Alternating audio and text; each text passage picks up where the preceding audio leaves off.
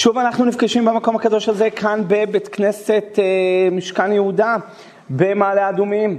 היום אנחנו רוצים להקדיש את השיעור לאחד מגיבורי ישראל שמסרו את עצמם אה, בחירוף נפש על המערכה בעזה ולדאבון ליבנו הוא נפל בקרב, אה, אחד מהתושבים כאן במעלה אדומים, אברהם הנקין שמסר את עצמו ממש על קידוש השם, היה בחור צעיר, אולי בן 34, 35, השאיר אחריו משפחה, ילדים יתומים, ואנחנו כולנו דואבים את הצער הזה ביחד עם כל, ה, עם כל הצער של יתר הנופלים, ואנחנו נקדיש את השיעור הזה לעילוי נשמתו ועילוי נשמת שאר החללים, שלא נשמע ולא נתבשר צער יותר.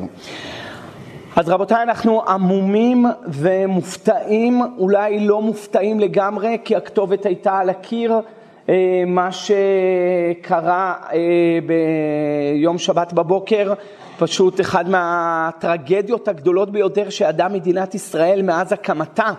אני לא חושב שהיה יום אחד כזה שחור לעם ישראל שנרצחו בו בחפי פשע, ילדים וזקנים וחיילים, בשיעור וסדר גודל כל כך גדול ומקיף ביום אחד, אה, אולי הפעם האחרונה שהיה זה בשואה.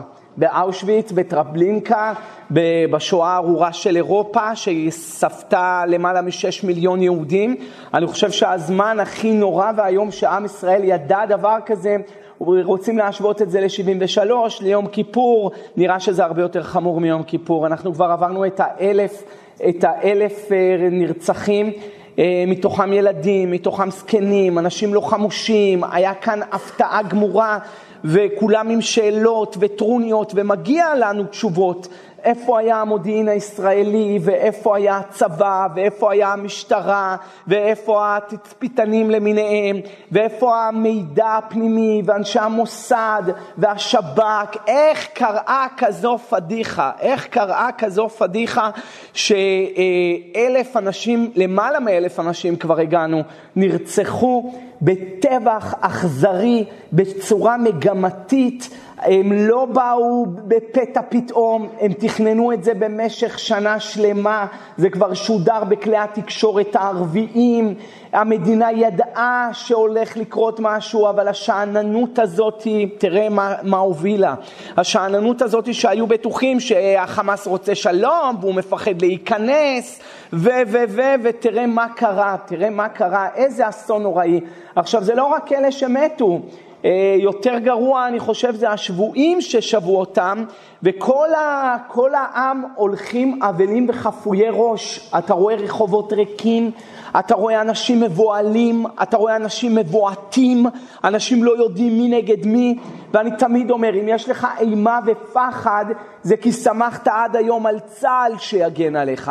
שמחת על המודיעין הישראלי שיגן עליך, שמחת על הממשלה שתגן עליך, והשם יראה לך עין בעין שאף אחד לא יכול לעזור לך.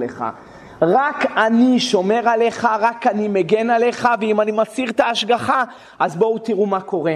מקום שיש מריבה, מקום שיש שנאה, מקום שיש מלחמת אחים, השכינה לא נמצאת שם.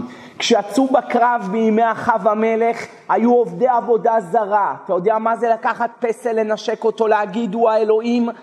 ואף על פי כן היו יוצאים לקרב ונוצחים. לא היה נפל חלל אחד בצבא של אחאב. למה? כי הם היו מאוחדים ביחד, אבל בימי דוד המלך שהוא שלח אותם לקרב היו נופלים ומתים. הגם שהיו עוסקים בעבודה זרה, היו עוסקים בגמילות חסדים, היו עוסקים בצדקות, אבל נפלו בקרב אצל דוד המלך. והוא היה מצטער על החללים שלו. ולמה? כי היה ביניהם דליטוריה, היה ביניהם שנאת חינם. ועל שנאת חינם הקדוש ברוך הוא החריב את בית המקדש, כדמוכח בגמרא יום הדף ט'. על שנאת חינם הקדוש ברוך הוא לא מעביר. והשנאת חינם שהלכה פה בחברה הישראלית בשנה האחרונה הייתה מהקשות שהמדינה הכירה. רק שוטה לא ראה את העגלה מידרדרת לתהום. אני העברתי כאן אולי חמישה, שישה, עשרה שיעורים שמדברים רק על הנושא הזה. אמרתי לכם את זה פעם ופעמיים ושלוש. רבותיי, ההיסטוריה תחזור על עצמה. היה שואה לפני החורבן של הבית, היו אזהרות ולא הקשיבו ולא חזרו בתשובה והמשיכו את ההסתה אה, נגד הדת, נגד הדתיים. לא נתנו להתפלל בכיכר המדינה בהפרדה. מה אכפת לכם? מה כואב לכם? חיה ותן לחיות. חיה ותן לחיות, אני לא מבין את זה. ועוד בתל אביב זה הכי גרוע, כי תל אביב זה מקום שידוע בתור ליבר, ליבר, ליברלי. יש שם ליברליזם ידוע, כל אחד, כל מוזר שרוצה להיות, כולם מקבלים אותו, אבל את הדתיים אנחנו לא נקבל. עוד השיח הישראלי, עוד ביום שבת בתקשורת, מה היה? אם הקפות הם ייתנו לעשות את זה בהפרדה או לא ייתנו את זה לעשות בהפרדה. לא רציתם הקפות, קיבלתם התקפות. לא רציתם שהם יתפללו ביום כיפור, אז קיבלתם הפתעה כמו מלחמת כיפור. איום ונורא מה שהלך כאן. כמה הקדוש ברוך הוא יחכה. וזה אני מדבר רק על השנאה התהומית שיש בין הקצוות של החילונים לדתיים. ומה השנאה שיש בתוך הדתיים? אני לא רוצה לחזור על דברים שאמרתי היום ביזדים ובמושא יוף. מי שירצה השיעורים מוקלטים יוכל לשמוע, כי אני הכנתי שיעור אחר, שקשור לנושא, אבל מזווית אחרת, מפן אחר. אם אנחנו לא נחזור בתשובה וננער את עצמנו, רבותיי, הולכת לפרוץ מלחמה, וכבר פרצה מלחמה.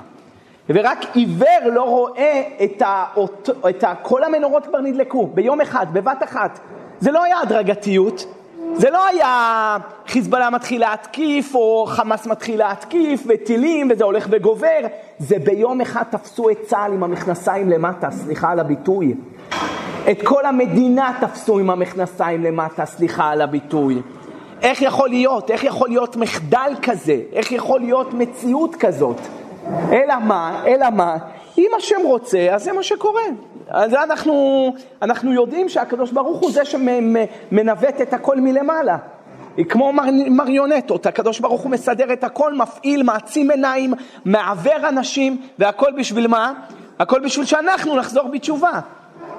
ואנשים לא רוצים לחזור בתשובה, ונשארים עם ההרגלים המרים שלהם, ועם השנאה שלהם, ובסוף אתה רואה מה קרה, איזה טרגדיה עצומה.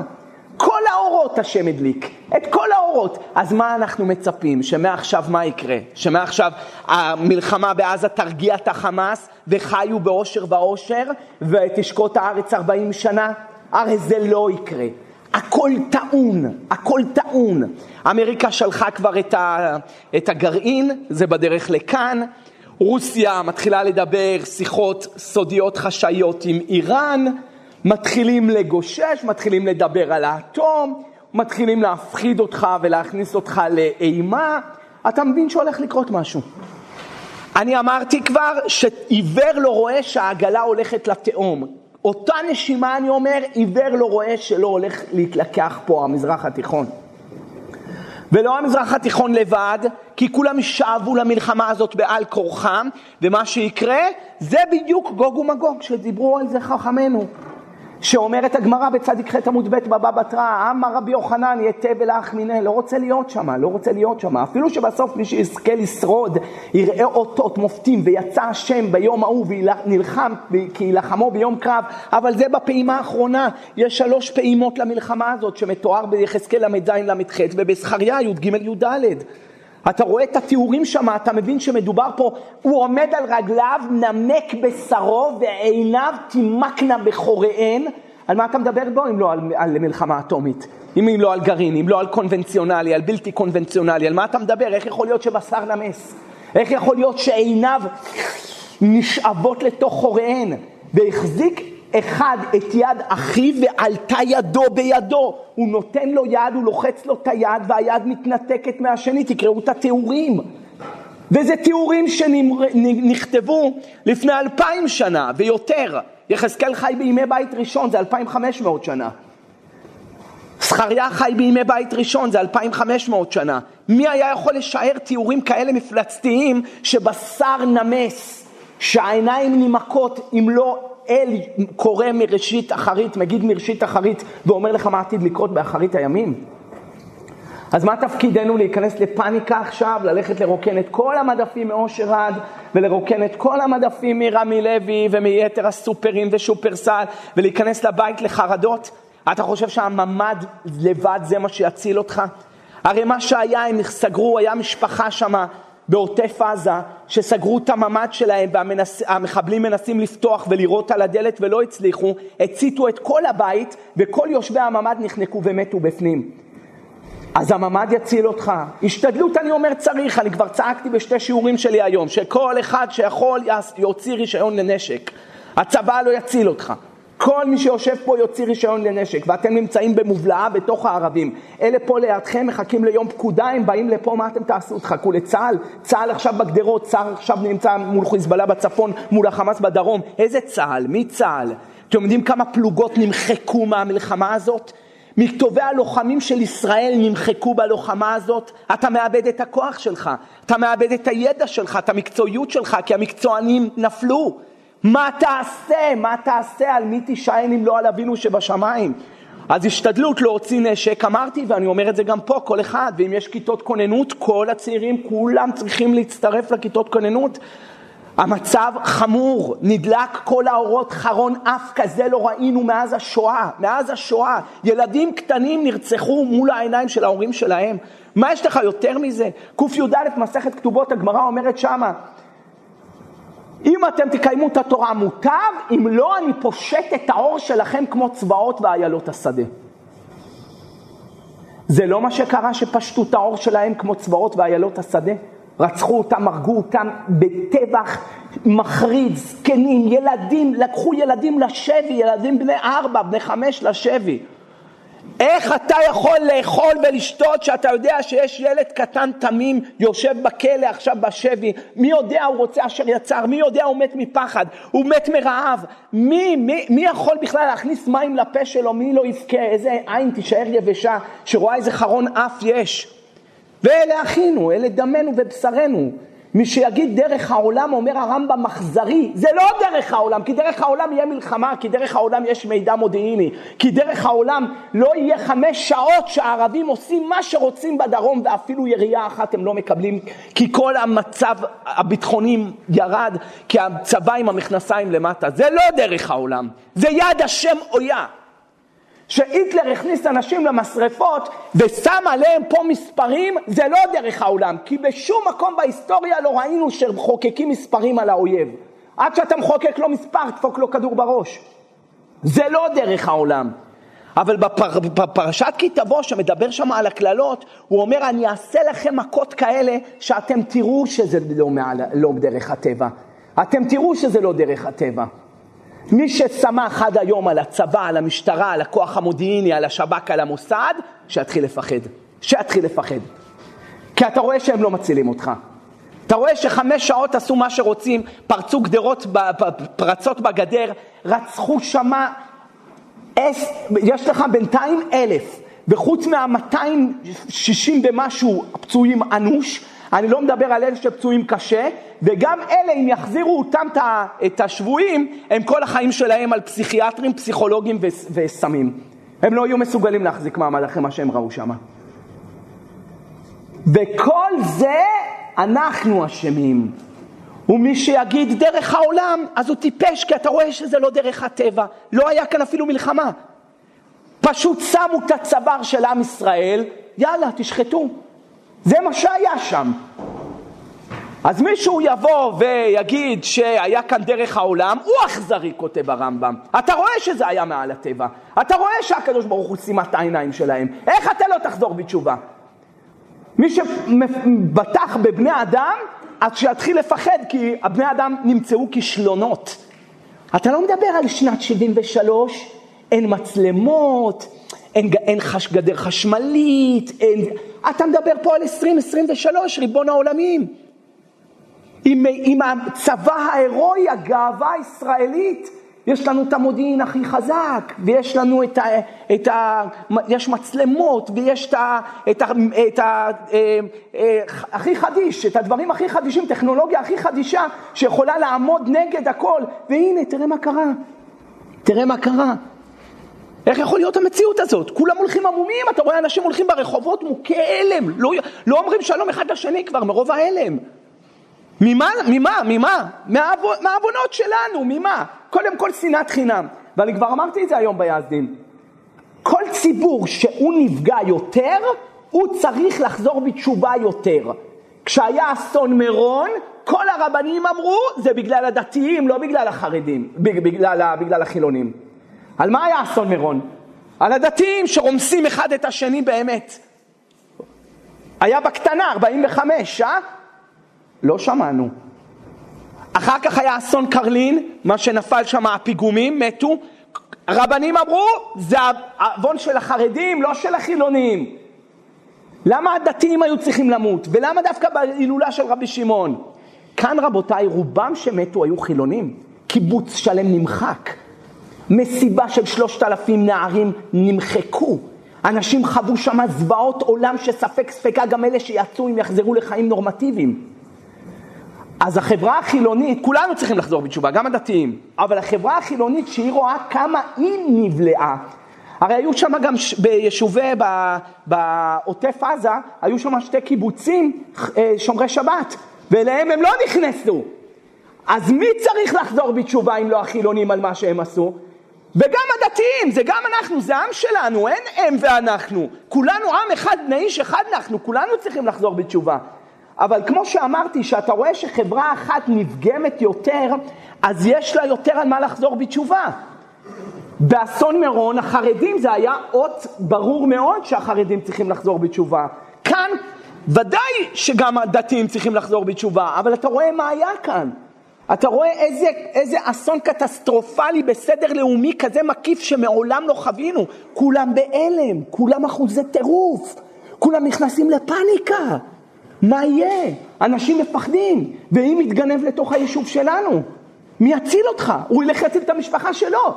גם אלה שמפטרלים פה, אם ייכנס פה ביום פקודה איזה אלף חס ושלום פה, כל אחד ילך למשפחה שלו, מי ילך להציל את החבר שלך? אתה תלך קודם כל, קודם כל אנש, אנשי ביתו, ואחר כך כל העם כולו, לא ככה אומרים ביום כיפור?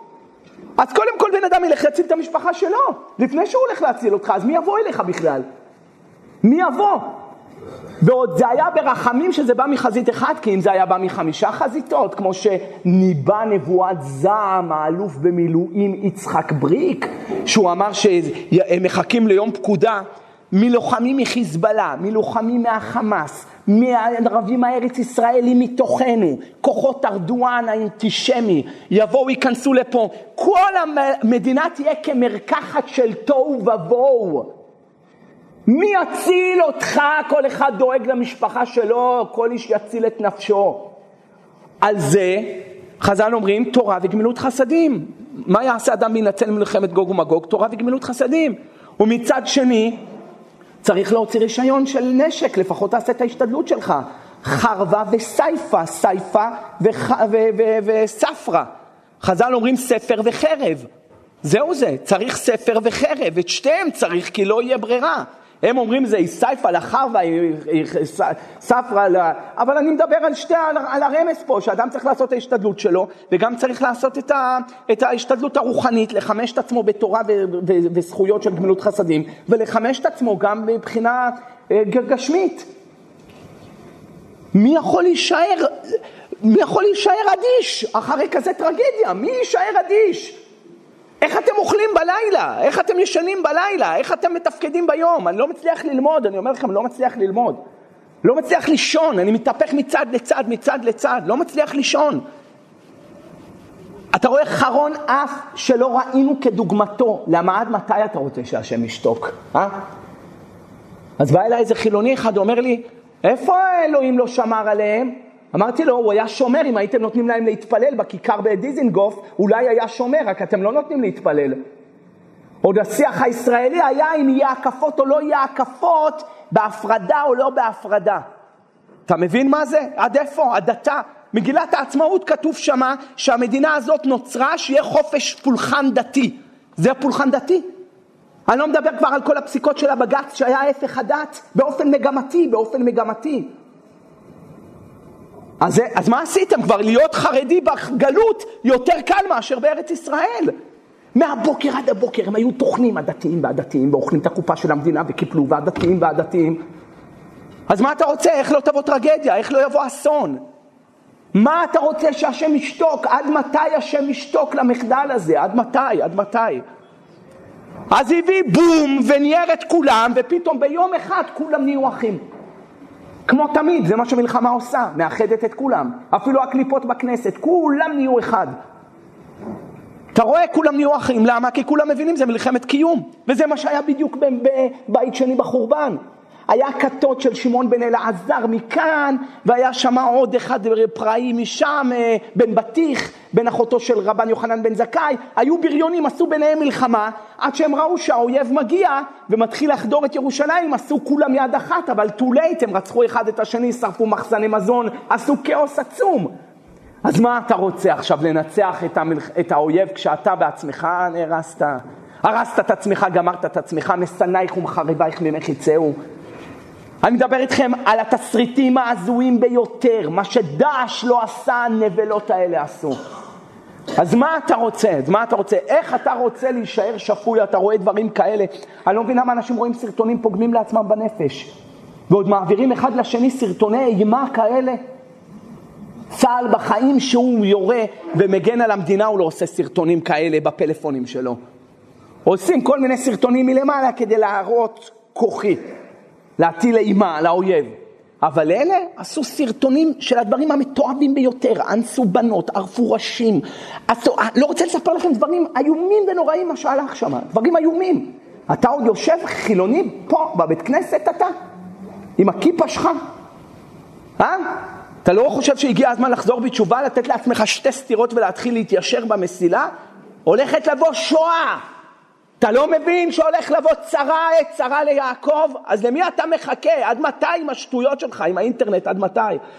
עד מתי אתה עם השטויות שלך, עם הלשון הרע והביטול תורה שלך, עד מתי? הולך לבוא לכאן אסון איום ונורא.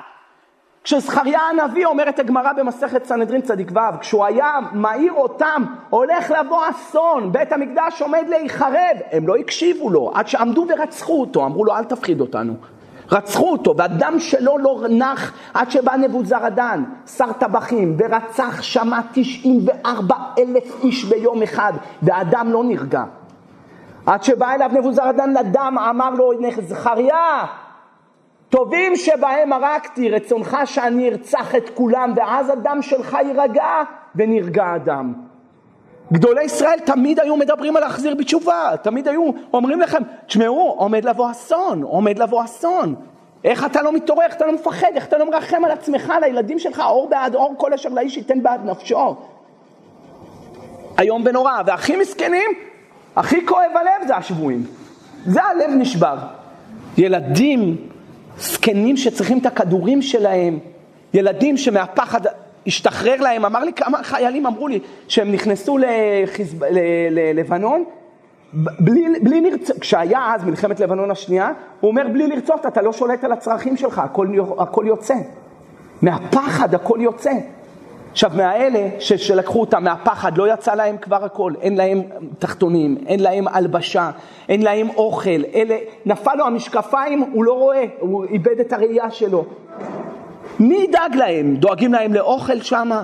חז"ל אומרים, זה הרמב"ם כותב, הלכות מתנות עניים פרק ח' הלכה י' כותב הרמב"ם אין לך מצווה גדולה כפדיון שבויים שהשבוי הוא בכלל הרעבים, הצמאים, הערומים, הוא עומד בסכנת נפשות, הוא לא יודע מה יעשו איתו.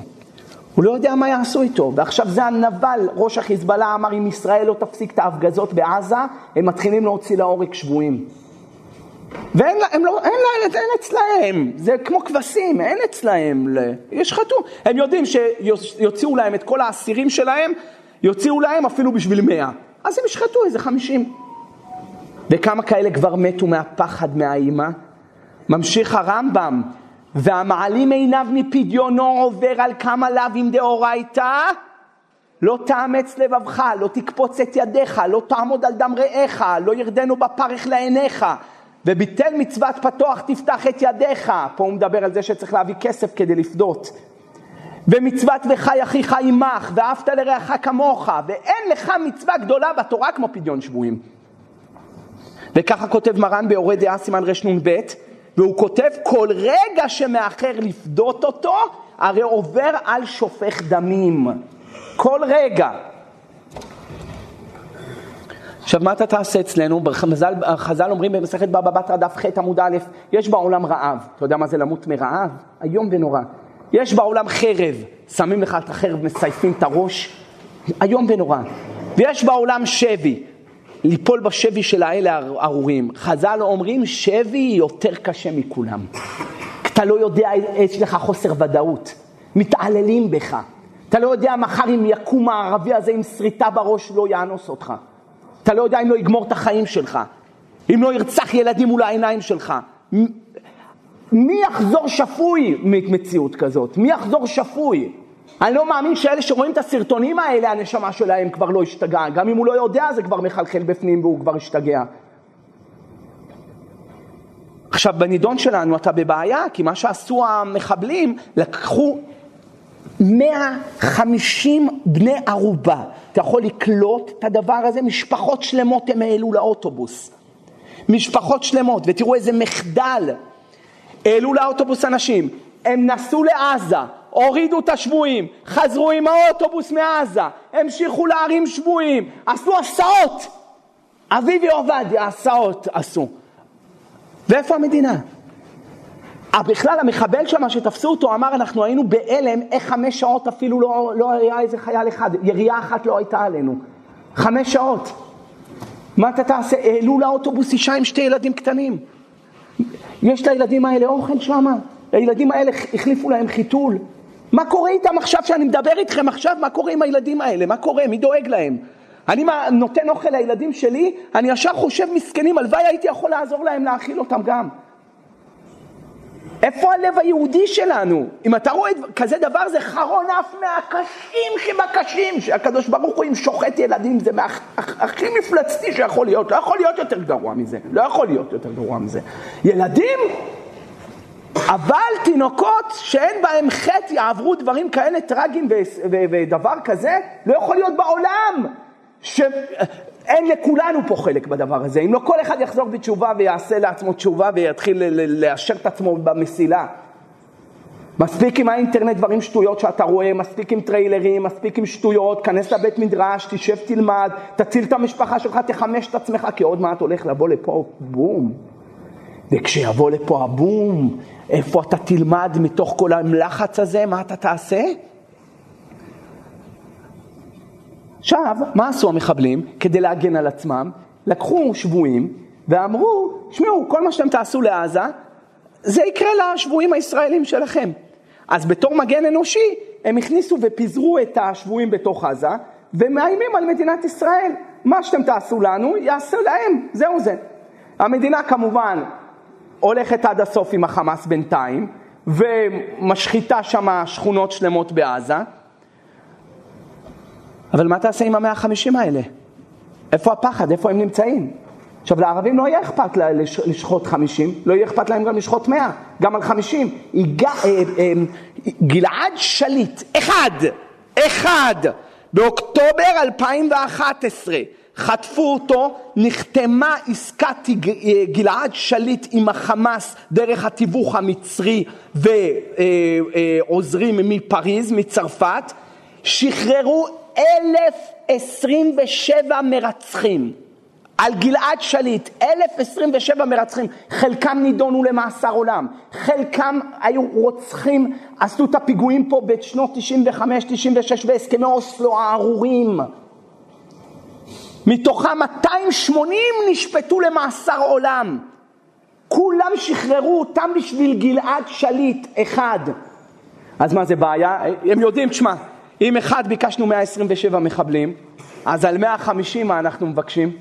הם רוצים לרוקן את כל הבתי סוהר בארץ, ואת הכל הם חוזרים לשם. ואתם יודעים מה היה אחרי אה, גלעד שליט? רוב המחבלים האלה חזרו לסורה מרה להתעסק בטרור. נו, עכשיו מה אתה תעשה? מה אתה תעשה? תשחרר את כל המחבלים? הם, מי יודע מה הם מסוגלים לעשות לשבויים שנמצאים שם כבר? כי על אחד הם קיבלו אלף. אז על, על, על, על, על 120, אז, הם, אז על 50, אז על אחד. הם שחררו את הכל. אתם רוצים את הגופות בחזרה לבתי קברות? אז בבקשה, תשחררו לנו את כל האסירים. הכל הם מטורפים, הם מטורפים, אנשים חסרי דעת, מטורפים. אז מה אתה רוצה, להפקיר אותם? תגיד מה נעשה, ש-150 ילכו כפרה על עם ישראל, תפיל טיל על עזה, תפיל אטום על עזה, תמחק אותה מהמפה. אם זה היה הבן שלך, היית אומר תפיל טיל על עזה? אם הבת שלך הייתה נמצאת שם עכשיו מתה מפחד, היית אומר תטיל טיל על עזה? הרי כל אחד זה קל לתת, אה, את, אתם מבינים שאנחנו נכנסים פה גם מבחינה הלכתית לבעיית מורכבות מאוד מאוד קשה. כי ברגע שאתה משחרר להם, הרי כל מה שהיה גלעד שליט, זה בסך הכל פתח להם את התיאבון לדבר הזה. זה פתח להם את התיאבון. אם בגלעד שליט היו אומרים, אנחנו לא משחררים אלף, אה, אתם רוצים אחד תמורת אחד, תבחרו איזה שאתם רוצים, אז הם היו יודעים, במדינת ישראל יש לה גב, יש לה גב. אז אחד תמורת אחד, אנחנו רוצים את ברגודי, אנחנו רוצים את מוחמד, אנחנו רוצים, אחד על אחד. לקחו 150, אתה משחרר 150, אבל אחד נתת יותר מאלף. אז על 150 מה הם רוצים? והעלו אותם, העלו אותם. עם הנשק איימו עליהם משפחות שלמות עם ילדים, זקנים. מסכנה, הייתה אחת זקנה בקושי זזה, בת 78, עוד העלו אותה לאוטובוס. מחכה שמה, מי יודע, מי יודע אם היא חיה בכלל, אם היא קיבלה את התרופות שלה, מי יודע אם היא, אם היא לא מתה מהפחד. אז חז"ל, היה להם פחד, כשחז"ל דיברו בעניין שחרור שבויים ופדיון שבויים, חז"ל היה להם פחד שישתמשו בזה בתור קלף מיקוח, וזה באמת ככה. משא ומתן לקבל תמורות. עכשיו הבעיה שאם אתה משחרר את כל המחבלים בחזרה, הכנסת את כל הציבור הישראלי לבעיית ביטחון עצומה. אתה לא מדבר פה על איזה מחבל שלקח איזה, איזה אקדח עוזי וירה באנשים. אתה מדבר על אנשים תעוזתנים, אתה מדבר על מהנדסים שיודעים להנדס לך פצצות. אתה מדבר על כאלה שעשו מגה פיגועים, כאלה שיושבים ומרצים מאסרי עולם. אתה משחרר אותם, אתה מכניס את כל הציבור הישראלי לסכנה. כי מה שיקרה, הם יחזרו לטרור. ברור שהם יחזרו לטרור. חז"ל אומרים, קיימלן, גיטין מ"מ עמוד א', אין פודים את השבויים יותר מכדי דמיהם. כמה עולה שבוי אחד? לא יודע. מה זה, כמה זה, כמה שווה יהודי? לא יודע. יש לי תשובה על זה בשו"ת שלי, בח' או ט', בחושן משפט. כמה שווה יהודי? איך מעריכים יהודי?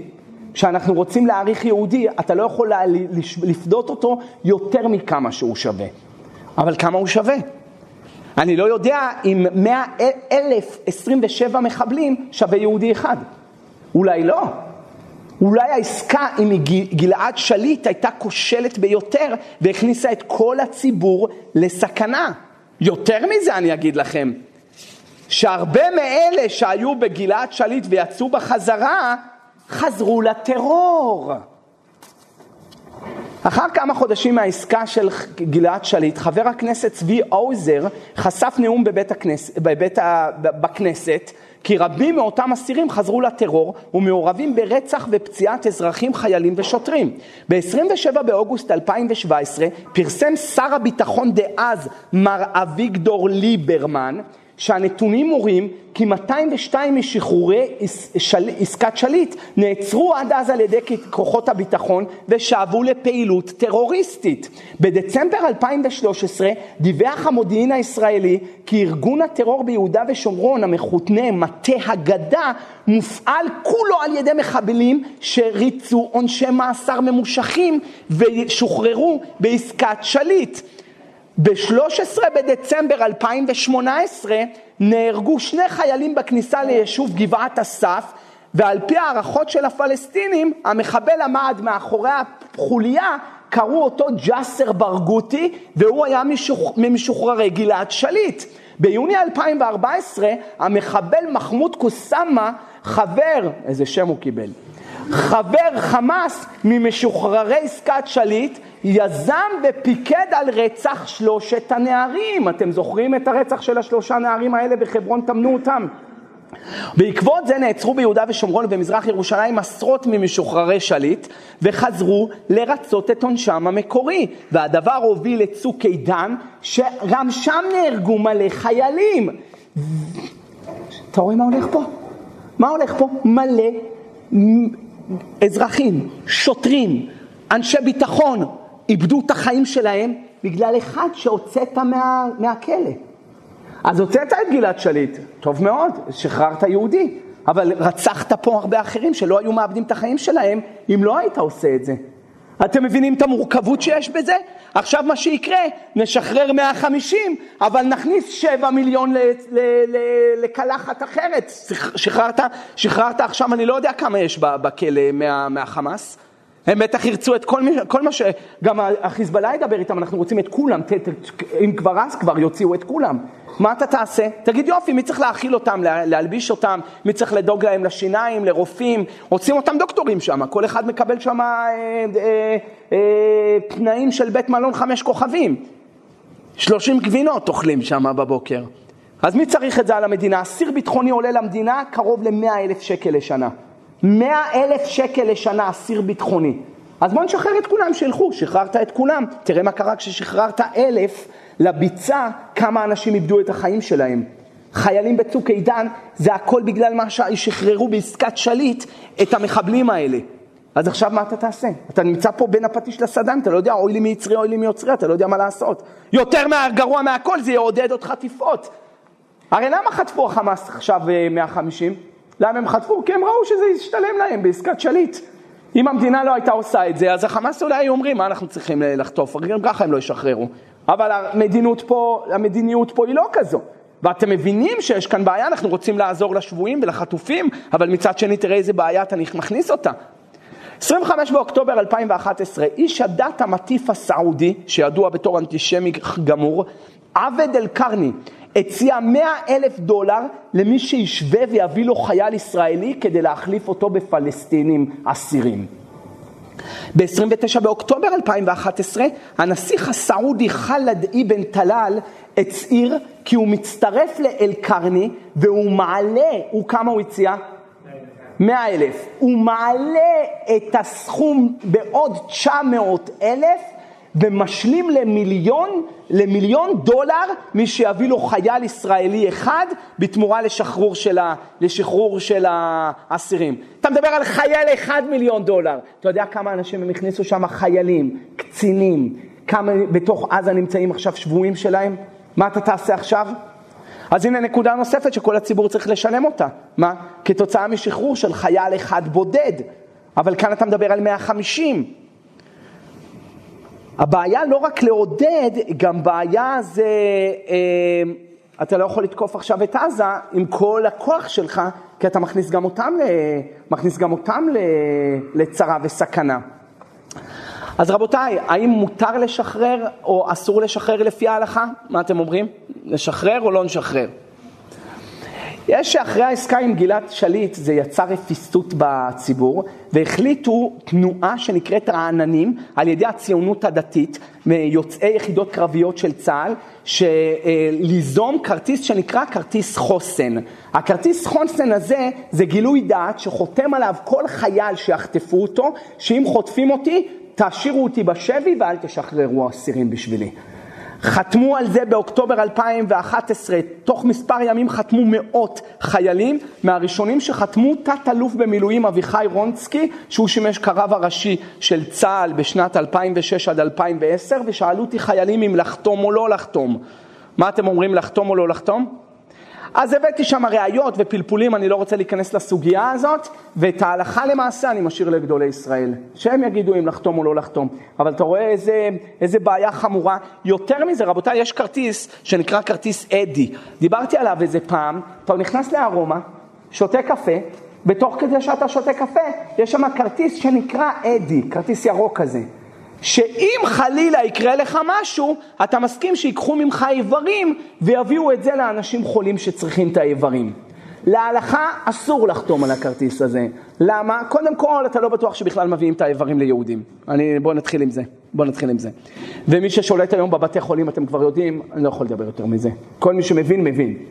אבל יותר מזה, מתי מוציאים את הלב? כשהלב עוד פועם. אם הבן אדם כבר מת, הלב לא שווה כלום. אז נמצא שכשהוא מתחיל לגסוס, אז הם מתחילים לקחת לו את הלב, זה רצח לכל דבר. זה רצח לכל דבר, ולכן אין שום היתרים לתרום איברים. אתה אומר, אחרי, אחרי המבול, נתרום את האיברים שלי, נעזור לאנשים אחרים לחיות. אבל הם מחכים מתי שאין פעילות מוחית, אבל לפי ההלכה זה לא רק פעילות מוחית, וכתבתי על זה בשו"ת שלי, איך מגדירים מוות ביהדות. ולכן חמור מאוד לא לחתום על הכרטיס הזה. שותה קפה, אגב, קח גם את הלב שלי, גם קח את הזה. חמור מאוד, אני חושב שהארומה צריכה להעיף את הכרטיסים האלה מה, מה, מהרש, מהרשת הזו. שו"ת יביע עומר, רבנו עובדיה יוסף, חלק י' חושן משפט סימן ו', נשאל אודות חטיפת המטוס על ידי מחבלים ב... מתי זה היה? אנטבה.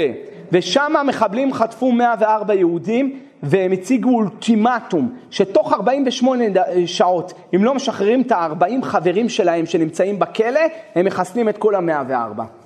והרב עובדיה פלפל בזה, ובסוף הוא אמר שישחררו את ה-40, אה, שישחררו את ה-40 פלסטינים, אבל 40 תמורת 104 זה עוד הגיוני, אבל לא אחד תמורת 1027, וזה מה שעשו בגלעד שליט.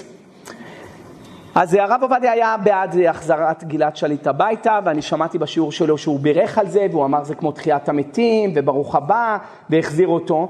אבל עוד פעם, תראו מה גרם העסקה הזה, שהרבה אחרים איבדו את החיים שלהם, כולל צוק איתן.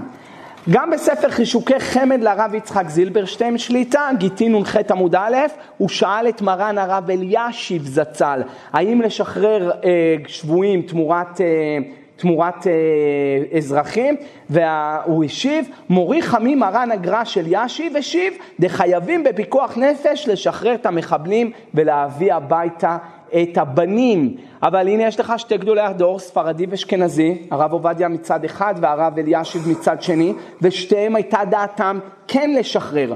וכל, ובטוח שהם הכירו את הסכנות, ובטוח שהם היו ערים לבעיות, ואף על פי כן דעת תורה של גדולי ישראל כן לשחרר. והוא הדין גם כאן, הוא הדין גם כאן. מן הסתם, אם שתי הגדולים האלה היו חיים היום, היו אומרים שבוודאי צריך לעשות הכל כדי להחזיר אותם הביתה. היי, אבל יכול להיות שזה ייצור בעיה עתידנית, אבל כרגע זה לא יוצר בעיה, אז לעתיד אומרים בערבית אללה כרים, אלוהים גדול, עוד נטפל בעתיד. ומה יקרה? אז כנראה שאדם צריך למות, אני לא יודע. דף ח' מסכת, דף ל' מסכת כתובות. שם הגמרא שואלת במסכת כתובות, אדם שהתחייב הריגל לקדוש ברוך הוא, חייב מיתה. איך הקדוש ברוך הוא הורג אותו? אף על פי שבטלה סנהדרין, ארבע מיתות בית דין לא בטלו. אם התחייב הריגה, נמסר למלכות, או ליסטי בעליו והורגו. אז מה אתה לומד מפה? שזה בהשגחה פרטית. מי שיחשוב שהיה שם מסיבה, והם באו וריססו את כולם, ומי שלרוע מזלו היה בקו ראשון לאש נפל, ואלה שהצליחו לברוח, התמזל מזלם וברחו, הוא טיפש, הוא כופר, הוא לא יודע מה זה השגחה פרטית. כל כדור היה לו כתובת. כל אחד היה צריך למות, זה בצער כזה וזה בצער יותר גדול, וההוא היה צריך לקבל כדור בראש ולמות מיד, וההוא היה צריך לגסוס, זה השגחה אלוקית שהכל בפלס, הכל אמת, הבאתי ראיות לזה, משאר הכוונות בדף א', ממש בהקדמה של שאר הכוונות, הוא מביא שכל אחד סובל לפי מה שנגזר עליו לסבול. ולכן אם היו שואלים אותי בסוגיה הזאת של, אה, של שחרור ופדיון, ואני הייתי אומר שאין לך אלא מה שבפרט, אני לא יכול לבוא ולהגיד באופן גורף תמיד מותר או תמיד אסור. צריך לדבר עם האנשים שמומחים בתחום שלהם, עם המפכ"ל, עם הרמטכ"ל, עם שר הביטחון, אנשי המודיעין, אנשי המוסד, אנשי השב"כ, יודעים את מי הם משחררים, יש עליהם איזה מעקבים, בודקים דברים, אי אפשר באופן גורף להגיד מותר, ואני גם לא מאמין שבאופן גורף צריך לאסור, כי אתה רואה שגדולי ישראל התירו את זה, אבל אין לך אלא מה שבפרט. צריך לבדוק כל מקום, מתי, מה מדובר, איזה סכנות אתה מכניס את הציבור, כי הציבור כולו בסופו של דבר צריך לשלם את המחיר, ולכן צריך לעשות אולי גם משאל עם, אבל עוד פעם, אלה דברים שנראים לעניות דעתי, אבל גדולי ישראל כבר אמרו את דעתם הרמה, ואנחנו מתבטלים לדעתם. רבותיי, לא נאריך יותר. אבל מה שכן יש לנו ללמוד, שתקופה לא פשוטה עומדת עכשיו אה, לפנינו. ועם ישראל נמצאים בתקופה איומה ושבוזה, אנשים מפורקים, נכנסו לדיכאונות, לפחדים, לחרדות, לעצבויות, לאימות. וחלילה וחס שאנחנו נוריד את הראש וניתן הפעולה הטרוריסטית הזאת לשבור את הרוח הקרבית שלנו ואת האמונה שלנו בהקדוש ברוך הוא. מת לבן אדם מישהו בר מינן, הוא אומר עליו קדיש. בקדיש הוא לא מזכיר מתים, הוא לא מזכיר גיהינם, הוא לא מזכיר גן עדן, הוא לא מזכיר כלום. מה הוא מזכיר? שבחים לקדוש ברוך הוא. השתבח, התפאר, התרומם, התנשא, התהדר, התעלה, התהלל. שמי דקודשא בריחו, השם של הקדוש ברוך הוא. למה? אנחנו יודעים הכל לטובה. יודעים הכל לטובה, מאמינים, בטוחים, ברור לנו שהכל לטובה. אנחנו לא אומרים אה, אולי, גם זו לטובה. לא כל דוד רחמנא לטב בספק, בוודאי בידיעה. לכן צריך לעודד את הילדים שלא ישמעו את הדברים האלה בבית, אל תיתנו לילדים לשמוע חדשות, אל תראו לנשים שלכם סרטונים, אל תעשו מזה שיחת היום, אל תעשו מזה. מה שיחת היום? טוב לי תורת פיך מאלפי זהב וכסף. טוב לי, אני יודע שעכשיו קשה לצאת לפארקים, קשה לצאת עכשיו מהבית, לפחות תנסו לעשות את הבית נסט, כן, שכיף לחיות בו. קצת תשימו מוזיקה, תרקדו עם הילדים, תספרו סיפורים, תסיחו את הדעת, לא כל חמש דקות, עשר דקות אתה בודק מה היה, בסוף זה גומר אותך גם, אתה נהיה עצבני בבית. לא צריך את זה, למה אתה מזין את עצמך בכל מיני חומרים שאתה לא מועיל בידיעות שלך? אין לזה שום תועלת, עדיף תקרא תהילים יותר טוב. אז מה יעשה אדם מן אצל מחד גום וגום מגוג? יעסוק בתורה, יעסוק בגמילות חסדים, לחמש את עצמך במצוות. מצד שני, אמרתי השתדלות, כל אחד ינסה להוציא רישיון לנשק, כל אחד ינסה להתגייס ולעזור במשמר האזרחי של הקהילה שלו, כי אם אין אני לי מי לי. אם אתה לא תדאג לזה, אז זה חמור ביותר. שתי הדברים האלה, בפן הרוחני, בפן ההשתדלותי, כל אחד יעשה את ההשתדלות שלו, ואני אין לי ספק שאנחנו קרובים מאוד מאוד מאוד לגאולה. הרבה יותר ממה שאתם חושבים. מי יודע אם לא פסח הזה אנחנו אוכלים בבית המקדש? מי יודע? אבל עד שזה יגיע, איזה טרור צריך לעבור. מי יודע אם אנחנו נעבור את המנהרה החשוכה הזאת ומי יחיה? זכאי ומאן דשתכח בהוא זמנה וחייבה מאן דשתכח בהוא זמנה, אומר רבי שמעון זוהר שמות ז' עמוד ב'. אשריו מי שיישאר באותו הזמן, אבל מסכן מי שיישאר באותו הזמן, מה הוא יצטרך לעבור, איזה שואה, איזה פחדים, איזה אימות. והיה במיניאטורי, בטעימה, היה השבת הזאת. אבל מי יודע אם כל אומות העולם לא יתהפכו עלינו, וזה מה שניבאו החכמים, גוג ומגוג, אם תראה שבעים, שבעים אומות העולם על ישראל. אז שלוש פעימות תהיה למלחמה הזאת, ובפעימה האחרונה הקדוש ברוך הוא יצא ויעשה, כי מצאתך מארץ מצרים הראינו נפלאות נון פלאות, פי חמישים ממה שהיה במצרים. פי חמישים, עד שכולם ידעו ויכירו כי השם הוא האלוהים בשמיים ממעל ועל הארץ מתחתנו עוד. כולם יראו, הנה יד השם הויה. אתה רואה את הקדוש ברוך הוא, אתה תראה ניסים, ניסים מימינך, משמאלך, אתה לא תאמין איך, איך השם הולך ביחד איתך, אבל אתה צריך להיות עם השם. יהיה עריות, יהיה זנות, יהיה, אה, אה, ערווה, ולא ייראה בך ערווה דבר, שב מאחריך, תסתלק ממך שכינה.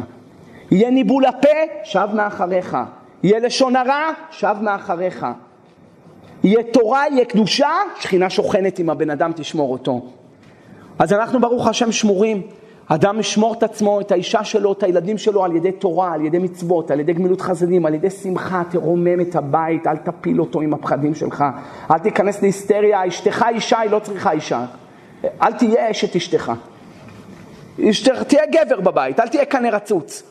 תעודד אותם, שים מוזיקה, תרקוד, תעשו משחקים ביחד, תעשו מונופול, אני יודע מה, כל מיני טרוויה של דתיים, לא יודע, תנסה להרים את הבית, תקנה קצת אה, אקסטרה של אה, עוגות קצפת, קצת שוקולד, מרמלד, אני יודע, תקנה קצת מתוקים, משהו תקנה, לעצמך תקנה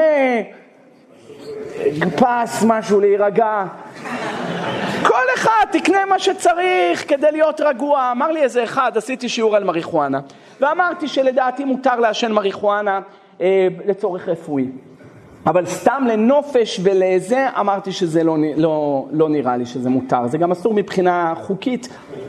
אה, והוא אמר לי שיש לו בבית תשע ילדים, והם עושים לו צרות עד השמיים, וכל פעם שהוא נכנס הוא מתחיל להיכנס להיסטריה, וצורח על כולם, אבל כל פעם שהוא לוקח פס אחד קטן, לפני שהוא נכנס לבית, הוא רגוע, שיהיה בלאגן, הכל טוב, הכל טוב, הוא מעופף, הכל טוב.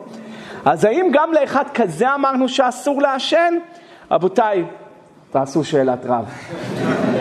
אני לא יכול עכשיו להגיד באופן גורף מול המצלמות, אבל כל אחד יעשה שאלת רב, אם אתה לחוץ, אם אתה צריך נופש קטן לעצמך בחדר, במרפסת, אז צריך נופש קטן. אם אתה צריך לשמור על השפיות שלך ועל המשפחה ועל הילדים, אז תעשה לעצמך חסד, כל מה שאתה יכול, ואין ספק שהבא יתאר מסייעים בידו, הקדוש ברוך הוא אל רחום וחנון ערך אפיים ורב חסד ואמת.